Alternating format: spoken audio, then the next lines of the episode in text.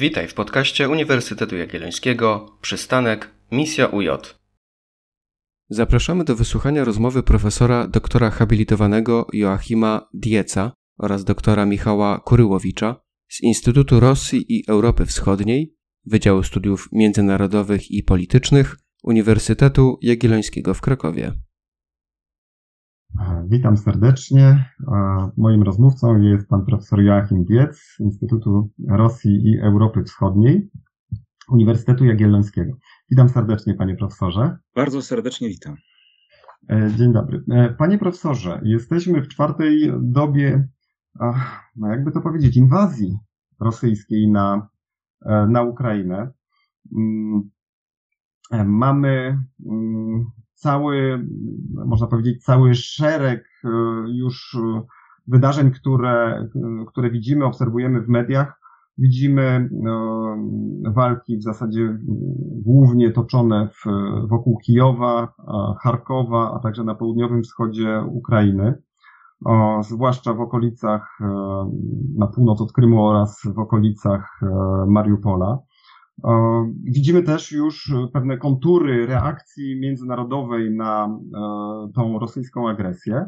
E, I e, można powiedzieć, że skupiamy swoją uwagę właśnie na tych wydarzeniach, na tym, co, co się dzieje na Ukrainie, to jest oczywiste.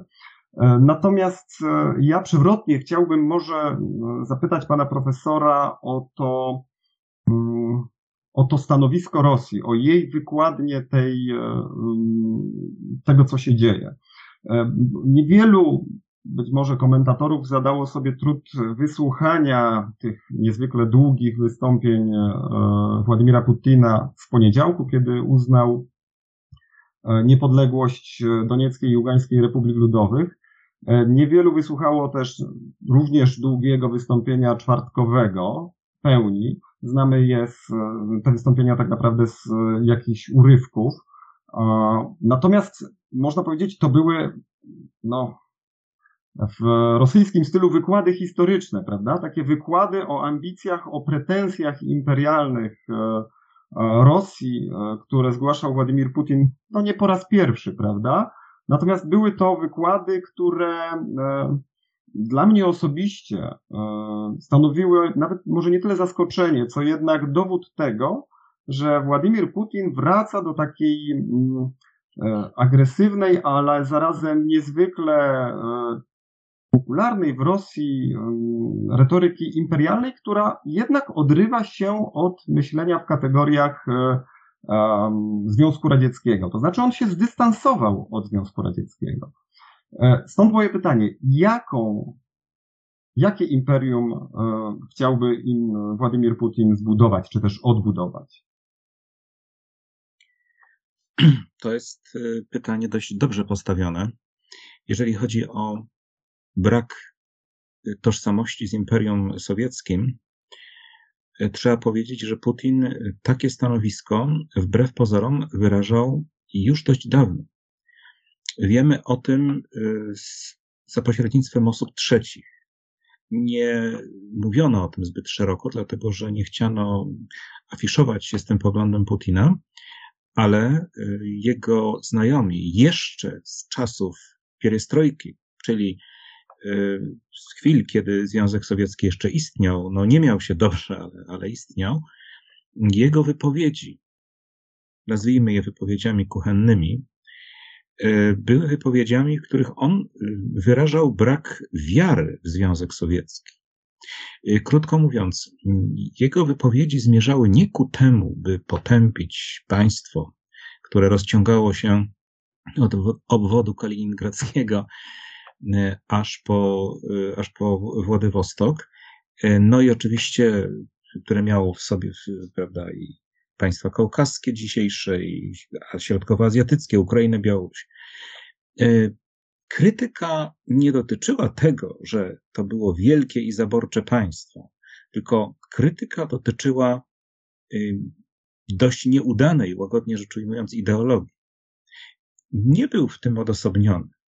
E, trzeba zauważyć, że bardzo wielu Rosjan o imperialnych zapędach krytykowało ideologię komunistyczną, wskazując, że jest ona po prostu szkodliwa dla narodu rosyjskiego i jest szkodliwa dla interesów Rosji jako takiej interesów Rosjan.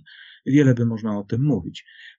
To byli na przykład nacjonaliści rosyjscy, nurt opozycyjnych nacjonalistów rosyjskich, byli oni przeciwko komunizmowi, ale przecież nie byli przeciwko imperium rosyjskiemu. W związku z tym e, można powiedzieć, że ten pogląd Putina nie był niczym szczególnie zaskakującym. E, myślę, że on po prostu dlatego ubolewał nad stanem ZSRR, ponieważ myślał o silnym państwie.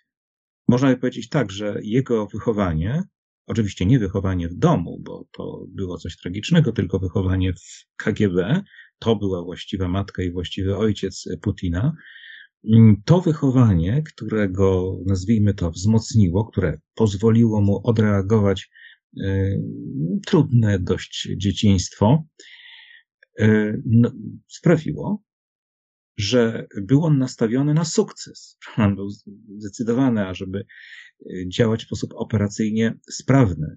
No a państwo sowieckie takowym państwem już nie było, przestało być państwem sprawnym, czego dowodziło chociażby operacja w Afganistanie.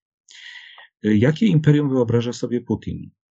Mm, sądzę, że mamy do czynienia z całym spektrum. Innymi słowy, chcielibyśmy jak najwięcej, ale pewno nie wszystko się uda. Zatem próbujmy. Może spróbujmy ugrać, no na przykład, szybsze włączenie y, de facto w skład Federacji Rosyjskiej. To może na papierze nawet wyglądać inaczej, ale de facto inkorporacja Białorusi. No w zasadzie prawie mu się to udało. Prawie. Zobaczymy jeszcze, jak będzie oczywiście, jak będą przebiegać wydarzenia na Białorusi, ale na razie tak to wygląda. Mógł pomyśleć y, o przyłączeniu niektórych kawałków Ukrainy. Jak wiemy, dało mu się to częściowo. Wiadomo, przyłączył do Rosji Krym, y, uznał, czy, czy Federacja Rosyjska, prawda, uznała niedawno, że Ługańska i Doniecka Republika Ludowa, no to są, to są państwa o pewnym statusie międzynarodowym, można powiedzieć, że to są niepodległe państwa, a jako niepodległe państwa, no oczywiście, no chyba nikt to nie wątpi, będą miały możliwość e, podjęcia decyzji o wejściu w skład Federacji Rosyjskiej. I to, i tak dalej, i tak dalej. Tu nie ma granic. E, tak samo zresztą, jak było w przeszłości Imperium Rosyjskiego, to było zupełnie niejasne, dokąd właściwie powinno sięgać Imperium Rosyjskie. Nawet kiedy pisze się o słynnym poecie rosyjskim Fiodorze Tiutczewie, to mówi się o nim, że miał jakby wizję trzech imperiów rosyjskich. Imperium pierwsze, drugie i trzecie, które zajmowało niemal pół świata. No więc oczywiście, w zależności od tego, na ile okoliczności na to pozwalają, Putin też brał pod uwagę rozszerzanie państwa rosyjskiego. A jeżeli mówimy teraz o tym, czy mm, miał on historyczną rację, no, o tym by oczywiście można rozprawiać całymi godzinami. Należałoby powiedzieć w ten sposób. Oczywiście, że e, przeszłość Ukrainy, ta najdawniejsza i przeszłość Rosji, wychodzą jakby ze wspólnego pnia. Jest w tym coś wspólnego. E, pochodzą e, z dawnej wschodniochrześcijańskiej Rusi kijowsko-nowogrodzkiej, jest to stosunkowo wczesne średniowiecze. Y, ta organizacja y, tworzy się jeszcze gdzieś w wieku IX, a potem oczywiście dochodzi do jej rozwoju. Powstaje Wielkie y, Księstwo Kijowskie, które osiąga swój szczyt w czasie panowania Jarosława Mądrego. To jest pierwsza połowa wieku XI. I wówczas e, faktycznie można powiedzieć, że e, Ruś nie jest jeszcze podzielona, ale też trzeba powiedzieć, czy co to właściwie jest Ruś. No, Ruś jest to europejskie państwo założone przez wikingów, e, którego ludność jest w przeważającej mierze słowiańska. Jest to oczywiście państwo chrześcijańskie i rządzące się tak jak każde inne państwo europejskie. Że Ruś Kijowska nie była niczym innym niż normalnym państwem europejskim. Oczywiście z chrześcijaństwem obrządku wschodniego, ale pamiętajmy, że mm, o prawosławiu, które stawiało siebie przeciwko, czy jakby naprzeciw katolicyzmu, można mówić dopiero po śmierci Jarosława Mądrego, czyli od roku 1054, a wcześniej Ruś Kijowska była całkowicie normalną częścią europejskiego chrześcijaństwa. No potem oczywiście zaczyna być coraz gorzej. To mamy do czynienia z rozpadem Rusi, potem jest najazd mongolski i e, wschodnia Ruś, która jest właściwym początkiem dzisiejszej Rosji, będzie kontrolowana przez Ordę, e, która będzie traciła swoją pozycję i co jakiś czas powstanie już niepodległe zupełnie e, państwo moskiewskie. To państwo oczywiście istnieje wcześniej, ale jest państwem zależnym od Ordy, natomiast później staje się państwem niepodległym i chociaż pozostaje państwem chrześcijańskim, e, to jednak przejmuje mnóstwo cech Ordy. Y, przejmuje przede wszystkim ekspansjonizm, przejmuje, no, można by powiedzieć, autorytaryzm, to, to chyba byłoby dość łagodne słowo, przejmuje zasadę samowładztwa, także braku poczucia prawa, które byłoby autonomiczne wobec rządzącego, wobec władcy i tak dalej, i tak dalej. I potem, mm, kiedy Wielkie Księstwo Moskiewskie coraz bardziej się rozrasta, dochodzimy wreszcie do czasów Piotra Wielkiego. On tworzy Imperium Rosyjskie. Ta nazwa się pojawia w roku 1721, y, a sam Piotr staje się imperatorem. I to trwa aż do roku 1917. Oczywiście wiemy, że to państwo się bardzo rozrosło. Y, był pewien moment, E, już pod koniec istnienia Imperium Rosyjskiego, kiedy ono musiało się cofnąć. To była wojna przeciwko Japonii. E, wówczas e, właściwie to Amerykanie uratowali znaczną część azjatyckich terytoriów Rosji. No a potem oczywiście po roku 1917 zaczyna się zupełnie nowa epoka, epoka komunistyczna, ale nadal mamy do czynienia z dużym państwem, no bo, oczywiście wyrosły na y, bazie Imperium Rosyjskiego Związek Sowiecki czy Radziecki, jak to woli. Jest to mm, państwo nadal bardzo duże. Ono się stanie szczególnie silne y, w czasach stalinowskich. Stalin był owładnięty pragnieniem stworzenia wielkiego, silnego państwa, mm, rządzonego przez partię komunistyczną z generalissimusem na czele. Ta wizja oczywiście w miarę mu się udała, ale z czasem, ze względu na e, ograniczenia wynikające z doktryny e, komunistycznej, czyli doktryny kolektywistycznej gospodarki, gospodarki centralnie planowanej, e, upadło. To, to imperium po prostu było, okazało się kolosem na glinianych nogach.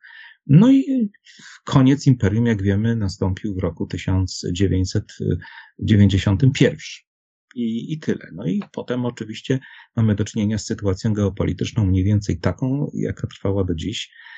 Mm, I y, jeżeli odwołujemy się do przeszłości, co możemy powiedzieć o relacji Rosji do Ukrainy?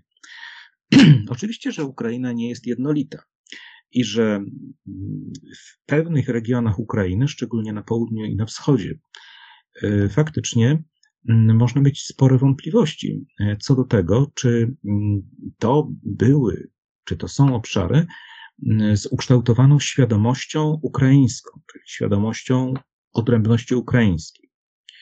E, ani nie jest prawdą to, że wszyscy mieszkańcy Ukrainy czuli się Ukraińcami, ani też oczywiście nie jest prawdą to, że Ukraińcy i Rosjanie to jeden naród. No oczywiście że Ukraińcy to y, bardzo określony naród ze swoim językiem, ze swoją kulturą, o silnej, bardzo mocnej, ukształtowanej przez wieki świadomości, y, odrębności, pragnienia posiadania niepodległego państwa. To państwo wreszcie się stało. No ale właśnie ze względu na owo zróżnicowanie, na fakt, że na obszarach wschodnich i południowych mieliśmy do czynienia z ludnością y, w przeważającej mierze rosyjskojęzyczną, i nie do końca zadowoloną z tego, czym stała się Ukraina, no z tego też oczywiście wynikały późniejsze kłopoty Ukrainy. Jeżeli do tego dodamy to, co na Ukrainie powtarza się najczęściej, że Ukraina jest źle rządzona, że jest państwem, w którym de facto o wszystkim decydują oligarchowie, że panuje ogromna korupcja, że władza jest niesprawna i tak dalej, i tak dalej. Ale jeżeli to wszystko dodamy do siebie, to oczywiście mamy gotowy przepis na problemy. Putin to wszystko bardzo y, zgrabnie wykorzystywał. Czy słusznie? No, z punktu widzenia tego, kto chce budować imperium, czy odtwarzać imperium, oczywiście tak. Natomiast trzeba powiedzieć, jest, że jest człowiekiem ogromnie zasłużonym, jeśli chodzi o budowanie świadomości ukraińskiej. E, no, Nikt tak chyba, prawda, nie zasłużył tak, się tak. dla państwa ukraińskiego w tym względzie, jak e, właśnie prezydent Rosji. Do tego właśnie chciałem się e, też odnieść. Władimir Putin w zasadzie w obu mm, wystąpieniach, w obu tych odezwach do naroda kładzie nacisk na to, że, mm, czy też nacisk, no taki główny zarzut wobec Związku Radzieckiego, że wykreował Ukrainę. To znaczy, że wówczas została stworzona, tak jakby w ogóle żadnej tożsamości ukraińskiej wcześniej nie było. Czy nie jest tak, e, pomijając oczywiście te argumenty Władimira Putina, że on swoimi działaniami mm, buduje tą tożsamość? I pytanie e, drugie, bardziej szczegółowe e, może do tego, czy można powiedzieć, że dziś, parę dni już po, po inwazji, e, Rosjanie są zaskoczeni jednak skalą nie tylko oporów wojsk, no ale brakiem jakichś szerszych e, działań prorosyjskich na, na terytorium Ukrainy. Bez wątpienia. E, no trudno właściwie się spodziewać, że jeżeli przychodzisz do kogoś z wojskiem, wystrzeliwujesz rakiety, ginie ludność cywilna, że po tym wszystkim e, ludność tego państwa, nawet jeżeli poprzednio żywiła do ciebie jakąś sympatię, e, teraz za tobą się opowie. Bo cokolwiek powiedzieć o państwie ukraińskim, e, nie było to państwo bez wad. Cokolwiek powiedzieć o partnerach Ukrainy, w tym o Polsce czy o innych państwach europejskich, no to jednak przecież taki sposób postępowania wobec ludności tego państwa jest czymś absolutnie niewyobrażalnym, czymś wyjątkowym. Jeżeli ktoś przy, przy, przychodzi do mnie z czołgami i rakietami, no to, to trudno przecież, żebym się spodziewał, trudno się spodziewać się tu jakiejś sympatii, to raczej niemożliwe. W związku z tym to, to jest zasługa niewątpliwa. Natomiast czy, Ukraiń, czy naród ukraiński jest produktem Związku Radzieckiego? Powiedziałbym tak. Y, Ukraina w tych granicach, w których jest teraz, w istocie rzeczy jest produktem Związku Radzieckiego. Ale trzeba przypomnieć, że przecież y, powstała tuż po rewolucji, y, w związku z kończącą się I wojną światową, Ukraińska Republika Ludowa i Zachodnio-Ukraińska Republika Ludowa, no przecież chyba Związek Radziecki nie miał czasu, żeby ukształtować nacjonalistów ukraińskich, żeby sobie stworzyli e, te państwa. To, czy to były państwa udane, czy nie, y, no to wiemy. No wiemy, że te państwa nie odniosły sukcesu, ale one, one nie odniosły sukcesu. Szczególnie mam tutaj na myśli Ukraińską Republikę Ludową. Nie dlatego, że Semen Petlura lub inni przywódcy byli nieudacznikami, albo że okłamywali ludność, albo że w rzeczywistości nie cieszyli się poparciem, tylko po prostu dlatego, że zostali zmiażdżeni przez przewagę wojsk bolszewickich. I to jest jedyny powód, dla którego Ukraina wówczas nie powstała, bo gdyby zapytać ludność, czy chciałaby zbudować państwo ukraińskie, no to oczywiście, że to państwo ukraińskie by powstało. Mhm. Wróćmy jeszcze do um, tego, co się dzieje dzisiaj um, i do kontekstu rosyjskiego. Um, od kilku dni obiega media, zwłaszcza społecznościowe, taki film, z, oczywiście w roli głównej występuje tam Władimir Putin i szef służby wywiadu zagranicznego Siergiej Naryszkin. To jest film, można powiedzieć, porażający, pokazujący strach strach, taki uczniowski strach Siergieja Naryszkina przed tym e, występowaniem przed Władimirem Putinem w kontekście uznania niepodległości e, obu republik e, Donieckiej i Ługańskiej. Czy rosyjskie elity są jednoznacznie skupione wokół, wokół tej idei ataku na Ukrainę? Czy można czy dostrzegałby pan profesor gdzieś jakieś e, wewnętrzne tarcia, czy też może no, no niechęć e, otwartą wobec, wobec tego, do czego wciąga Władimir Putin całą Rosję? Putin, który to przedstawienie zaaranżował 21 lutego, miał w pamięci wcześniejsze wydarzenie, które miało miejsce w roku 2014. To rok, w którym trzeba było e, wysłać e, zielonych ludzików e, na Krym. Wówczas Rada Bezpieczeństwa była prowadzona przez Sergieja Iwanowa. To człowiek bliski Putinowi, ale był już człowiekiem starszym i chyba nie do końca zdeterminowany. Stan zdrowia być może już też nie pozwala mu na jakieś bardziej radykalne działania. W każdym razie wówczas, podczas tych obrad, e, większość e, członków Rady Bezpieczeństwa wykazywała bardzo wiele obaw, wykazywała wiele wątpliwości, czy, czy to jest w ogóle możliwe, czy to nie jest przypadkiem zbyt radykalne. W związku z tym Putin postanowił zmienić front, postanowił wyreżyserować to spotkanie inaczej, a przede wszystkim postanowił zrobić to przed kamerami. Czyli krótko mówiąc, chciał się pokazać jako niekwestionowalny przywódca, e, który dyscyplinuje członków Rady Bezpieczeństwa. I wtedy oczywiście prędzej czy później usłyszał, że oczywiście tak, jesteśmy wszyscy za uznaniem mm, tych, y, tych republik.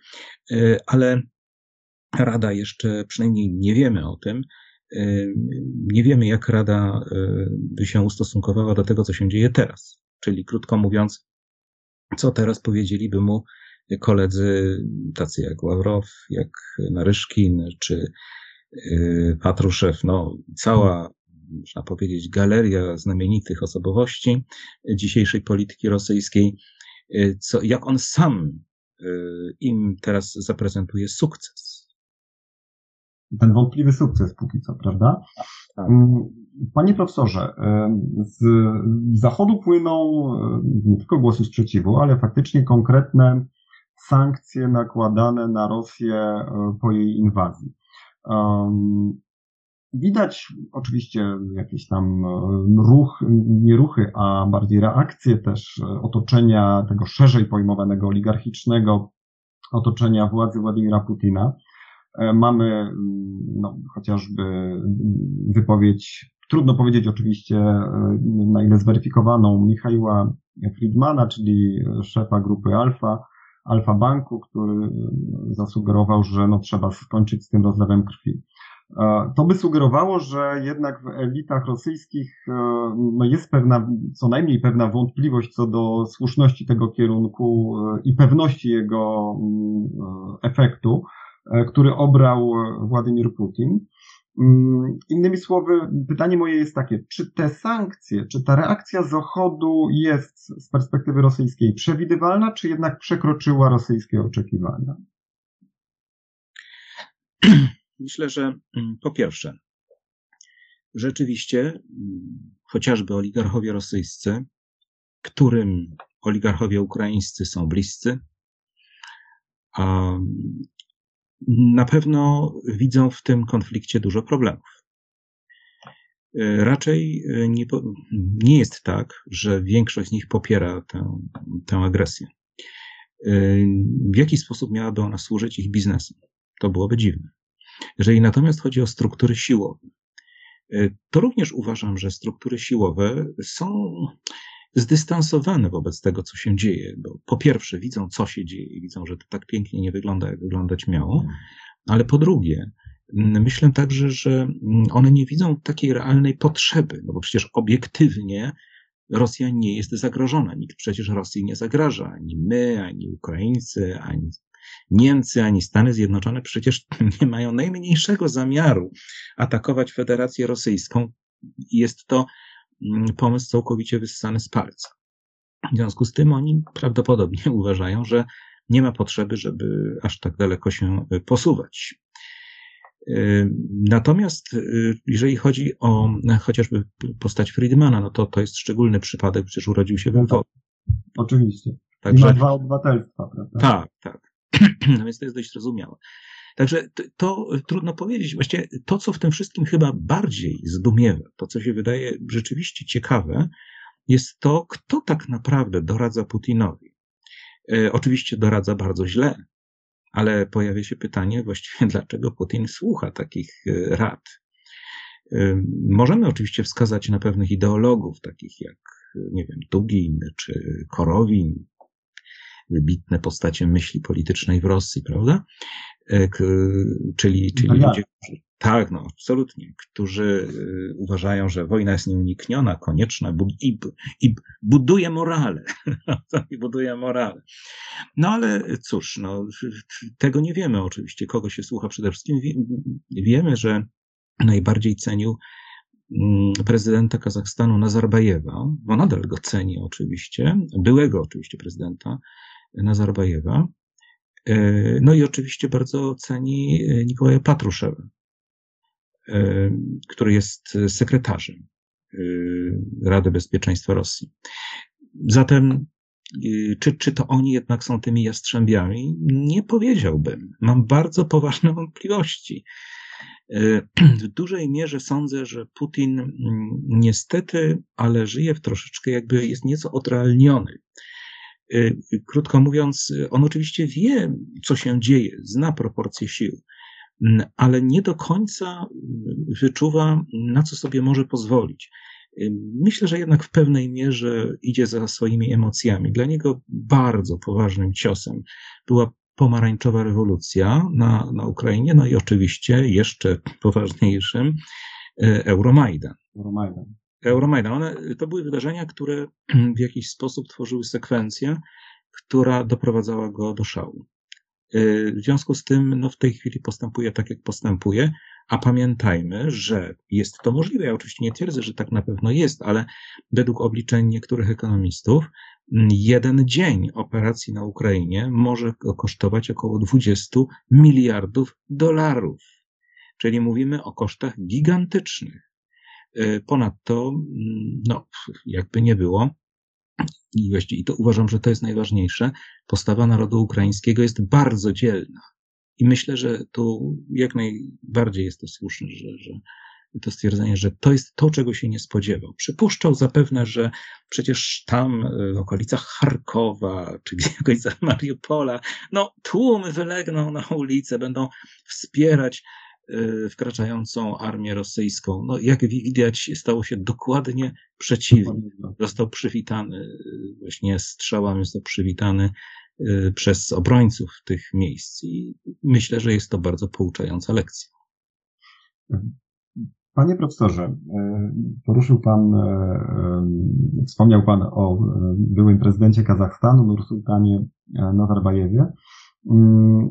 I tym samym przechodzimy do wątku związanego z obszarem poradzieckim. Widać już też po kilku dniach e, no, pewne mm, reakcje, które też są zaskakujące. Reakcja tegoż Kazachstanu, który przecież miesiąc temu korzystał z e, pomocy rosyjskiej, a konkretnie Organizacji Układu o Bezpieczeństwie Zbiorowym, a dzisiaj dystansuje się od tego, co się dzieje na Ukrainie. Widzimy zaskakującą, chociaż może nie aż tak bardzo zaskakującą, decyzję um, Gruzji, aby z kolei nie przyłączać się do sankcji wobec e, Rosji. Oczywiście towarzyszą temu wielkie demonstracje w Tbilisi. Niemniej jednak reakcje są nie do końca takie, jakich byśmy się jeszcze niedawno spodziewali. To prawda. Reakcje są inne niż byśmy się spodziewali. Spodziewalibyśmy się raczej, że państwo gruzińskie zdecydowanie poprze sankcje. No ale, szanowni państwo, powiedziałbym tak, że Gruzini e, mocno się sparzyli w roku 2008. E, krótko mówiąc, e, zauważyli, że nikt im nie pomógł.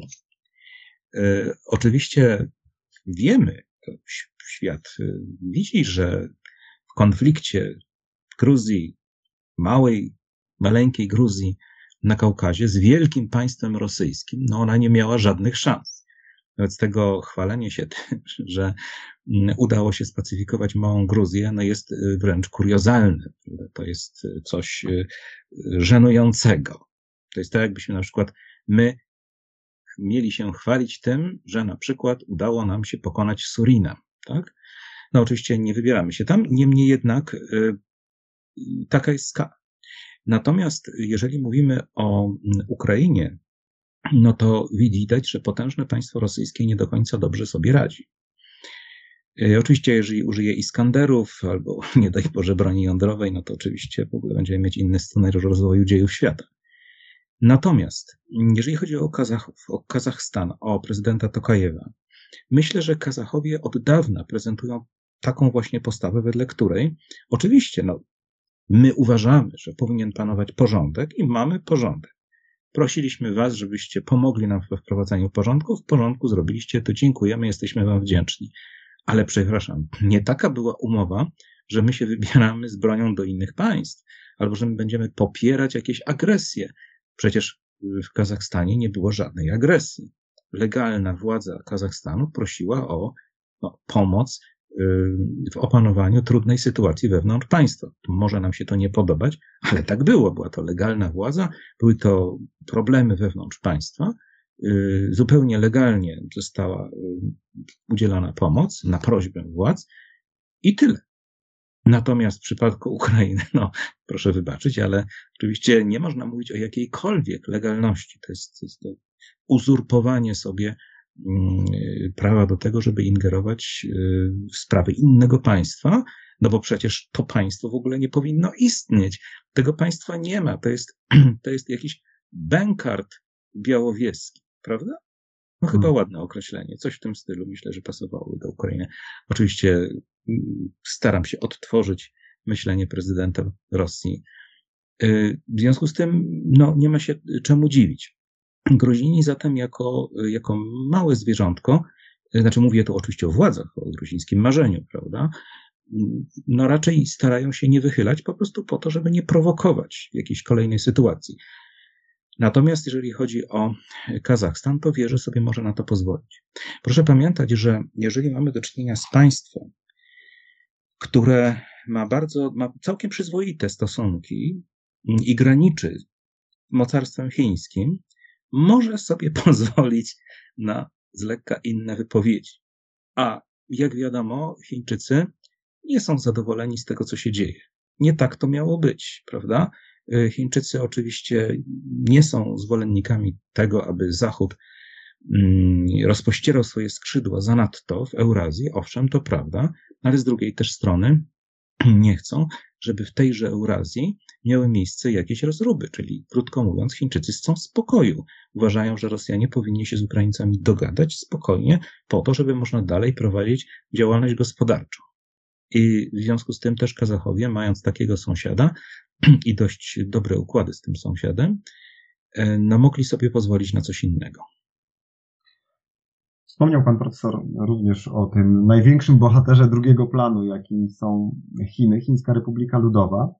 Mm, można było z początku, mm, w pierwszym dniu e, inwazji, dojść do wniosku, że Rosja zabezpieczyła się od strony Azji, to znaczy do, porozumiała z Chinami i poniekąd mm, inwazja odbywa się za cichym przyzwoleniem Pekinu. Z biegiem czasu trochę się ten obraz zmienia, to znaczy Chiny no, nie poparły Rosji w Radzie Bezpieczeństwa ONZ, co prawda też nie wyraziły zgody na potępienie działań rosyjskich, ale po prostu wstrzymały się od głosu. Podobnie zresztą jak Indie. Chciałem zapytać o ten wątek azjatycki. Czy nie jest tak, że Władimir Putin y, no nieco przeholował, to znaczy w, w wielu obszarach jednak y, y, nie przewidział konsekwencji, tak jak nie przewidział być może tak silnego oporu Ukrainy, nie przewidział również tego, że w sytuacji, w której nie dojdzie do szybkiego, bezapelacyjnego zwycięstwa, to jego wcześniejsze umowy nie do końca będą realizowane. I czy w ogóle, jak pan profesor się sądzi, czy takie umowy były? Mam na myśli jakieś porozumienia z Chinami. Nie przypuszczam, żeby, mm, no oczywiście, żeby cokolwiek podpisywano, no zresztą to chyba dość jasne. Natomiast można było, można przypuszczać, że w jakiś sposób się konsultowano, że Kreml konsultował się z Pekinem w jakimś stopniu. Jednak nie sądzę, aby władze Chińskiej Republiki Ludowej jakoś entuzjastycznie poparły plan Putina. Myślę, że raczej Chińczycy Dlaczego się Chińczycy mieliby popierać rozrastanie się jakiegoś mocarstwa, które jest ich sąsiadem? No, to byłoby dość dziwne, przynajmniej dla mnie. Na miejscu Chin wcale bym się nie cieszył, że sąsiednie mocarstwo się rozbudowuje czyimś kosztem. Tak? Rozbudowuje się kosztem czy jakiegoś państwa mniejszego, słabszego, mm, z którym też można prowadzić jakiś interes. Przecież y, Chińczycy z, y, z Ukrainą również prowadzą interesy. Y, rolnictwo ukraińskie jest znaczącym rezerwuarem dla Chin. W związku z tym, dlaczego właściwie Chińczycy mieliby popierać z całego serca rozrastanie się Rosji kosztem Ukrainy? Wydaje mi się, że raczej Chińczycy, tak jak zawsze, starają się być gdzieś tam z boku krótko mówiąc, y, przyjmują postawę wyczekującą. Wielu spodziewało się, ja też brałem pod uwagę to, że Chińczycy mogą ten konflikt wykorzystać mm, w, w układaniu swoich relacji z Tajwanem. No ale jak na razie nic takiego nie widać. No, nie zapowiada się, żeby, żeby Pekin miał skierować się w tej chwili do Tajwanu. Yy, przeciwnie, no raczej Chiny zachowują się bardzo przyzwoicie, prawda, w jakiś taki bardzo spokojny sposób. Mm, I yy, dlatego też można mówić tak, zgadzam się z tym poglądem, że w tym wypadku również Kreml się trochę przeliczył, bo, bo to nie jest tak, że Chińczycy będą tańczyli tak, jak im ktoś zagra, prawda? Więc w tym wypadku również tak się nie stało. Mhm. E, no, można by nawet zaryzykować stwierdzenie, jak mi się zdaje, że Chiny są zainteresowane w tym, żeby Rosja e, w tym konflikcie, z tego konfliktu wyszła osłabiona. To znaczy, no, być może z jej, z ich perspektywy nawet wygodniej jest mieć partnera, który i tak nie ma innego wariantu, innej alternatywy niż bliska współpraca z Chinami, no bo no bo z kim? Jeżeli skonfliktuje się Rosja na Zachodzie, do tego stopnia jak teraz, to nie, sam fakt, że nie jest skonfliktowana z Chinami, wpycha e, Moskwę właśnie w ściślejsze relacje, w no, pewnego rodzaju uzależnienie surowcowe wręcz od Chin. To znaczy, jako partnera, który dostarcza surowce do Chin i musi się zgodzić na, no nawet na mniej korzystne warunki, prawda? Oczywiście, no tak przecież było chociażby z Turkmenistanem, który eksportuje głównie do Chin. Jeżeli się spojrzy na wskaźniki ekonomiczne Turkmenistanu, na, na dynamikę eksportu mm, turkmeńskiego, no to z biegiem czasu y, można by powiedzieć, że Chiny coraz bardziej monopolizowały ten eksport Turkmenistanu. Oczywiście Chiny na pewno są zadowolone z tego, że jakiś partner, szczególnie potężny, z dużą ilością surowców, nie ma wyjścia i musi w tej chwili te, te surowce eksportować właśnie do Chin. Yy, to, co w tym przypadku może dziwić, to jest bardziej stanowisko właśnie samej Rosji. No bo przecież dywersyfikacja była dla Rosji znakomitą rzeczą. To było rzeczywiście coś, o czym Rosjanie mogli tylko pomarzyć. Dostarczanie surowców państwom europejskim, nie Niemcom, ale tak, no wszystkim, tak, Włochom, Francuzom, komukolwiek, i jednocześnie Chińczykom i Japończykom. Natomiast w tej chwili e, no, sytuacja Rosji, jeżeli chodzi o perspektywy eksportowe, no po prostu się pogorszyła. No, nikt chyba nie będzie temu zaprzeczał, prawda? No. Wiadomo, że, że, że tak się stało. No, więc to jest postawa mało uzasadniona. Y, myślę zresztą, że generalnie postawa Rosji wobec Ukrainy od samego początku była niespecjalnie dobrze uzasadniona. Ona sobie nie potrafiła tej Ukrainy zjednać, prawda? My, chociaż mieliśmy z Ukrainą y, no różną, różną historię, prawda? Często bardzo, bardzo tragiczną i bolesną, to jednak myśmy tę Ukrainę mm, jakoś zdążyli przekonać, że jesteśmy przyjaciółmi, prawda? Ukraińcy myślą o nas pozytywnie i wielu Ukraińców do nas przyjeżdża. My na tym w oczywisty sposób korzystamy. Zatem y, robimy po prostu normalną robotę, taką, jaka, jaka powinna być wykonywana w takim wypadku. Natomiast Rosjanie, no, z jakiegoś powodu przyjęli inny kurs.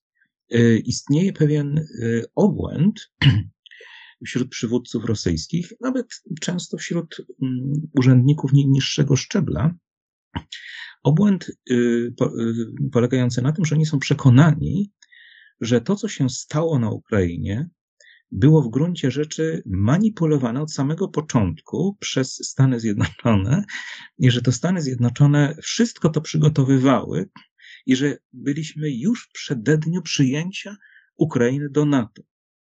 Y, myślenie rosyjskie jest takie, że oto e, NATO przybliża się coraz bardziej do granic Rosji i y, coraz bliżej do Moskwy w zasadzie, prawda? Nie do granic, no bo wiadomo, że, że, że do granic też, ale, ale przede wszystkim do, przybliża się coraz bardziej ku Moskwie. W związku z tym, e, no trzeba coś z tym zrobić, bo, bo przecież jesteśmy zagrożeni. Tymczasem prawda jest zupełnie inna. To po prostu kolejne państwa starały się uciec od Rosji i chciały schronić się pod parasolem NATO. Tak jak w tej chwili mówi się o tym w Szwecji czy Finlandii. Oczywiście nie wiemy, czy tak się stanie. Może się stanie, może nie, no ale mówi się o tym w tych państwach.